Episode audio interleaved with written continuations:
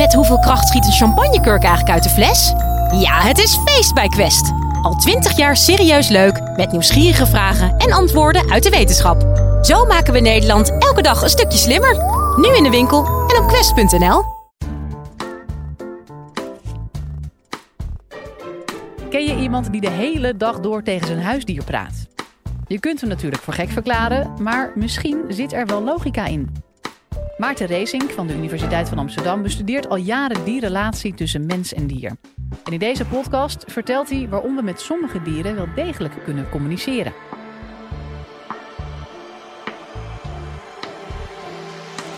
Live vanuit Club Air is dit de Universiteit van Nederland. Nou, laat ik beginnen met, u, met eh, eh, het, u de vraag te stellen: praat u wel eens tegen uw dier? Heleboel mensen doen dat. Eh, en en luistert hij dan ook een beetje? Best wel. Best wel. En, en praat hij ook terug? Ja, ook veel mensen. Wat grappig is dat. Uh, nou, het, leuke is, we weten natuurlijk dat heel veel mensen met hun eigen huisdieren praten, interacteren. En tegelijkertijd, ja, u weet natuurlijk ook wel, het is een beetje raar van u, hè? Ja, ja, want, dieren verstaan u echt niet hoor. Dieren verstaan geen Nederlands. En het, het, de implicatie die er een beetje achter is, is dat u denkt dat dieren u zouden kunnen begrijpen, dat ze daar ook iets bij zouden kunnen voelen, dat ze een idee hebben van, uh, van schuld en boete bijvoorbeeld, dat ze daarop zouden kunnen reageren. Maar dat is toch eigenlijk typische vermenselijking. Dat is, het, dat is antropomorfisme, zoals we dat noemen. Het toekennen van menselijke eigenschappen aan dieren.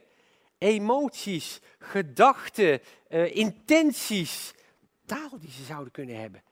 Maar dat kan toch helemaal niet? Dat is toch eigenlijk exclusief menselijk? Dachten wij heel lang. Dachten wij heel lang. Want, want, maar realiseert u zich, voordat ik dat ga ondergraven natuurlijk, realiseert u zich dat onze hele, ons hele gebouw van kennis, onze hele universiteit, is gebaseerd op de tegenstelling tussen mensen en dier als zijnde. Dieren zijn puur natuur. Alles wat dieren hebben, dat is aangeboren, dat is hun instinct. En daartegenover, dat is wat ons van dieren onderscheidt, daartegenover heb je mensen. En wij hebben, nou wij hebben ook een beetje natuur, maar wij hebben toch vooral ook cultuur. Dat is het cruciale verschil. Met andere woorden, het zit diep in onze gedachten dat cultuur, producten van cultuur, altijd per definitie menselijk zijn. Maar is dat wel zo? Nou ja, om dat goed te begrijpen, moeten we even bedenken van wat is cultuur dan eigenlijk? Uh, Cultuur. Nou, dat is eigenlijk vrij eenvoudig, zeiden mensen in de, zeiden de geesteswetenschappers in de, in de 19e eeuw. Dat is het beste en het mooiste en het grootste wat, wat de menselijke geest ooit bedacht heeft. Nou, zeiden sociale wetenschappers, die natuurlijk in het begin van de 20e eeuw opkwamen, antropologen en sociologen zeiden van, oh, wacht even, maar dan hebben wel heel weinig mensen cultuur. Laten we dat even iets breder trekken. Laten we nou even iets breder trekken. Cultuur, de, de kern van cultuur is eigenlijk a way of life, een manier van leven.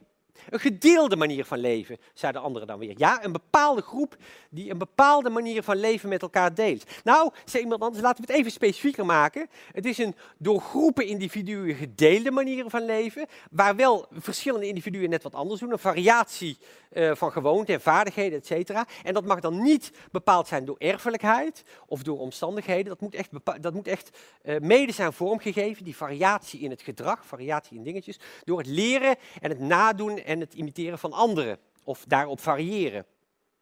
Die laatste definitie is natuurlijk wel goed, want dat is een iets preciezere definitie. Dat is ook een definitie waar elementen in zitten die je kunt onderzoeken, die je daadwerkelijk wetenschappelijk kunt analyseren. Maar wat er heel, helemaal leuk is in die laatste definitie, dat is een definitie van een primatoloog. Van een apengedragsdeskundige. En het is ook een vrij recent, nou ja, er zijn meer van dit soort definities. De recente definitie van een primatoloog die weet dat er natuurlijk dieren zijn, onder andere apen, die wel degelijk elementen van cultuur hebben. Dat weten we eigenlijk al langer. Dat weten we, ho, dat weten we vanaf, vanaf 1953, toen Japanse primatologen voor het eerst aan Japanse makaken, zitten bij achters op de apenrots. Japanse makaken, uh, uh, daar hun eten, hun aardappeltjes voor het eerst in, in de zee een beetje schoonspoelen voordat ze die in hun bek zagen. Dat zagen ze bij, bij een bepaalde groep, ouderen. Dat werd vervolgens door jongeren overgenomen en, en verder ontwikkeld. En bij andere groepen makaken in het wild zagen we dat niet. Ja, maar dat betekent dat het dus nooit aangeboren kan zijn. Dat betekent dat er iets aangeleerd moet zijn. En dat bleek natuurlijk ook wel uit die verdere ontwikkeling van, van, van, van die gewoonte. Uh, uh, wacht even, maar dan valt toch het hele idee onder die tegenstelling uit. En, en tien jaar later werd het nog erger. En dat had er mede te maken met deze dame. En die kent u vast wel, Jane Goodall, die in Afrika gedragsonderzoek ging doen bij chimpansees. En die daaruit ontdekte dat, we hadden net ontdekt, nou weet je wat, het zijn gebruiksvoorwerpen. Dat is cultuur, dat is wat ons menselijk maakt. Totdat Jane Goodall ontdekt dat die chimpansees ook gebruiksvoorwerpen gebruiken. Namelijk takjes die ze in bomen steken om insecten daaruit te krijgen. Toen dachten we, weet je wat, maar dan is wat ons, wat cruciaal voor onze cultuur is, dat is, heeft misschien niet zozeer te maken met, uh, met voorwerpen, dat heeft te maken met dieren zelf. Dat heeft te maken met het beeld dat wij van onszelf hebben. Hebben dieren wel een zelfbeeld? Nee, natuurlijk niet. Dat is iets wat wij mensen namelijk ook moeten leren. En hoe kan je dat onderzoeken? Door een levend wezen, door een individu voor een spiegel te zetten, daar een plukje verf op zijn voorhoofd te zetten en te kijken of hij dat, als hij dat in de spiegel ziet, of hij zich realiseert dat dat bij hemzelf aan de hand is en dat hij dat dus weg zou kunnen halen. Nou ja, mensen moeten dat in de loop van hun, van hun leven leren, dus bij dieren, ja, dieren zagen dat ook. We deden het bij apen, die herkenden het. We deden het bij, uh, wal, bij, uh, bij dolfijnen, die konden het. En uiteindelijk, nog maar een paar jaar geleden eigenlijk, deden we dat ook bij olifanten. Nou, ik moet erbij zeggen, voor het eerst gaven we olifant een voldoende grote spiegel. Detail, detail. Oh, zelfs olifanten kunnen dat al. Wacht even. Maar dan is het, als, we, als, als dieren ook een zelfbeeld kunnen hebben, misschien is dan de crux wel dat dieren natuurlijk niet een besef hebben van zelf ten opzichte van anderen. Dus dieren kunnen bijvoorbeeld niet uh, andere dieren voor de gek houden. Totdat blijkt dat ze dat ook kunnen. Nou ja, misschien is het dan zo dat ze niet de moraal hebben dat je dat eigenlijk niet moet doen. Moraal, dat is natuurlijk wat dieren niet hebben en wat ons verheven maakt. Totdat er een wetenschapper is die een aantal kapucijnaapjes in een experiment voor dezelfde gedrag een andere beloning geeft. Een druif tegenover een stukje komkommer. Gadver. En die apen daar kwaad over worden. Met andere woorden, zelfs moraal heeft niks met christendom te maken, heeft niks met. Dat is gewoon iets wat bij dieren ook al erin zit. Je moet je eigenlijk met terugwerkende kracht afvragen: waarom hebben we dat nooit eerder gezien? Omdat we er niet naar op zoek eh, gingen, of omdat we het niet wilden zien. Nou, twee dingen eigenlijk die cruciaal waren. Het eerste is dat we ons langzaam maar zeker realiseren dat intelligentie niet een, niet een eendimensionaal iets is. Dat intelligentie uit een combinatie van vaardigheden bestaat, uh, uh, die niet alleen met taal en rekenen en dat soort dingen te maken heeft, maar ook bij, ja dat weten we bij mensen natuurlijk al, emotionele intelligentie, dat is ook zoiets. Dat hoort bij intelligentie, dat hoort bij dingen voor elkaar krijgen, zeker ook in groepen. Dat zou je eigenlijk dus ook intelligentie moeten noemen. Maar als wij mensen al verschillende soorten mensen onderscheiden, hoe moet dat dan bij dieren wel niet zijn? Die moeten hele andere vormen van intelligentie hebben om hun problemen goed op te kunnen lossen. Misschien vormen van intelligentie die wij nog niet eens doorhebben. En in het verlengde daarvan, wat was de crux bij al, bij al dat onderzoek dat we, dat we deden, tot eigenlijk pas een aantal decennia geleden? De impliciete crux was dat wij alles begrepen, onze kennis was 100 procent, en het onderzoek dat we deden naar de intelligentie of de geestelijke vermogens van dieren, animal cognition noemen we dat wel met een moeilijke term. Het onderzoek dat we daarna deden, daarbij deden we onderzoek naar wat wij wel begrepen. En we gingen kijken wat, welk percentage, welke soort problemen wij wel konden oplossen, sommige dieren ook konden. Maar dat impliceert dat, wat ik al zei, wij staan aan die 100%. Onze, onze kennis is het ultieme, en dat van dieren, dat is een bepaald percentage daarvan. Nou ja, je realiseert je natuurlijk, dat weten we al langer, dat dieren zintuigen hebben die dingen kunnen waarnemen die wij helemaal niet zien. En dus hebben misschien dieren ook wel cognitieve vaardigheden van een soort die wij ons niet kunnen voorstellen of waar wij geen weet van hebben. Simpelweg omdat ze een oplossing zijn op een, probleem, op een probleem dat dieren in de loop van een evolutie zijn tegengekomen en wij als mensaapjes helemaal niet.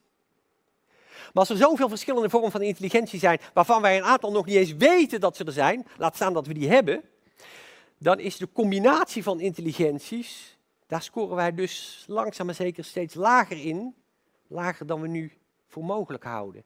Wij zijn niet de maat der dingen zoals we ooit dachten. Wat overigens het onderzoeken van intelligentie bij andere wezens wel een stuk lastiger maakt, als je niet weet waar je naar moet zoeken. Maar ons past op dit punt enige bescheidenheid. Nou, zult u zeggen, bescheidenheid, kom op, kom op. Als je even om je heen kijkt in de wereld, in hier, in, in eigenlijk waar dan ook, onze hele planeet, dan zijn het wel mensen die die planeet tot op de dag van vandaag, meer dan welke andere diersoort ook, uh, uh, in hoge mate hebben beïnvloed. Die producten hebben gemaakt, die dingen hebben verwoest, die dingen hebben opgebouwd, die geen enkele andere diersoort heeft gedaan. En de kernvaardigheid die we daarbij hebben gebruikt, is misschien wel, denken biologen aan de ene kant, maar psychologen en taalwetenschappers aan de andere kant, is misschien wel die ene vaardigheid taal. Taal. Taal is misschien wel. Veel, veel taalwetenschappers denken dat we talig denken, dat dat de essentie van ons is. In taal kun je denken, kun je dingen oplossen in je hoofd. Maar in taal kun je ook dingen aan anderen doorgeven. En in taal kun je dingen opbouwen. Kun je aan latere generaties doorgeven of kun je, kun je kennis vermeerderen. Dat is wat ons, wat ons zo'n bijzondere diersoort maakt, die zo'n enorme invloed op alles op de hele planeet uh, uh, heeft. En taal, ja, taal is natuurlijk iets wat dieren totaal niet hebben. Of toch wel? Nou ja, we hebben lang gedacht, we hebben lang gedacht dat dieren eigenlijk vooral geluidjes maken. Waarin hooguit ze elkaar waarschuwen voor, dingetjes, voor, uh, voor gevaar of dat soort dingen. Langzaam maar zeker, nu we gebruik kunnen maken van ingewikkelde computerprogramma's. Ja, nou, dat is dan wel weer een vondst van ons, computers en computerprogramma's. Maar door middel van computerprogramma's kunnen we veel preciezer analyseren wat wij met het blote, oog, blote oor niet eens kunnen horen. En beginnen we langzaam maar zeker te horen, te analyseren hoe ingewikkeld die geluidjes waren. Bij bijvoorbeeld zangvogels, maar ook allerlei andere soorten van zoogdieren en, en, en zelfs hele andere soorten dieren. Uh, hoe complex de, de, de communicatie is die ze met elkaar hebben. En dat daar wel degelijk taalachtige structuren in zitten.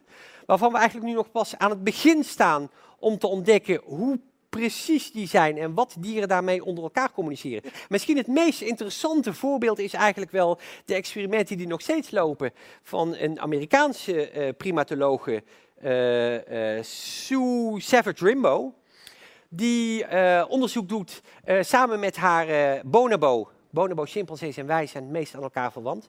Uh, die onderzoek doet aan haar bonobo uh, Kanzi. En Kanzi heeft geleerd om middels computers, daar heb je ze weer, om middels computers, middels pictogrammen op het scherm van een computer met elkaar te communiceren. En met elkaar zinnetjes te vormen, gedachten uit te wisselen. En dat begint te lukken. En u zou daar filmpjes op het internet over moeten opzoeken. Het is fascinerend hoe Sue langzaam maar zeker steeds meer in het hoofd van, oh, met, met, met, met haar bonobo kan communiceren en hoe de bonobo terug communiceert. En zelf dingen, talige dingen probeert te, uh, uh, te verzinnen. Het praten met dieren is helemaal niet zo raar. Het toekennen van menselijke eigenschappen aan dieren ook niet. Want de eigenschappen waarvan wij dachten dat ze typisch menselijk waren, en die ik nu maar even samenvat onder het woordje cultuur, die zijn helemaal niet zo exclusief menselijk als we ooit dachten. Eigenlijk hebben we in de afgelopen decennia, de afgelopen eeuwen geleefd in een tijdperk niet van antropomorfisme, dat was niet onze grootste misdaad. Anthropodenial, dat was waar we in leefden. Wat we tot op een aantal decennia terug hebben gedaan, is juist de overeenkomsten tussen mensen en dier ontkennen. Antropomorfisme was een doodzonde, was een academische doodzonde. En wat daar mis mee is, is dat we juist de overeenkomsten tussen mens en dier, die er zo dik bovenop liggen, als je even goed gaat kijken, die hebben we lange tijd niet willen zien. Maar wacht even, als we die dan nu opeens wel zien, en als die overeenkomsten veel groter zijn dan we in eerste instantie dachten, betekent dat dan niet dat we met die andere wezens, met wie we de planeet uh, delen, dat we daar dan ook iets minder beestachtig en iets meer humaan mee zouden moeten omgaan?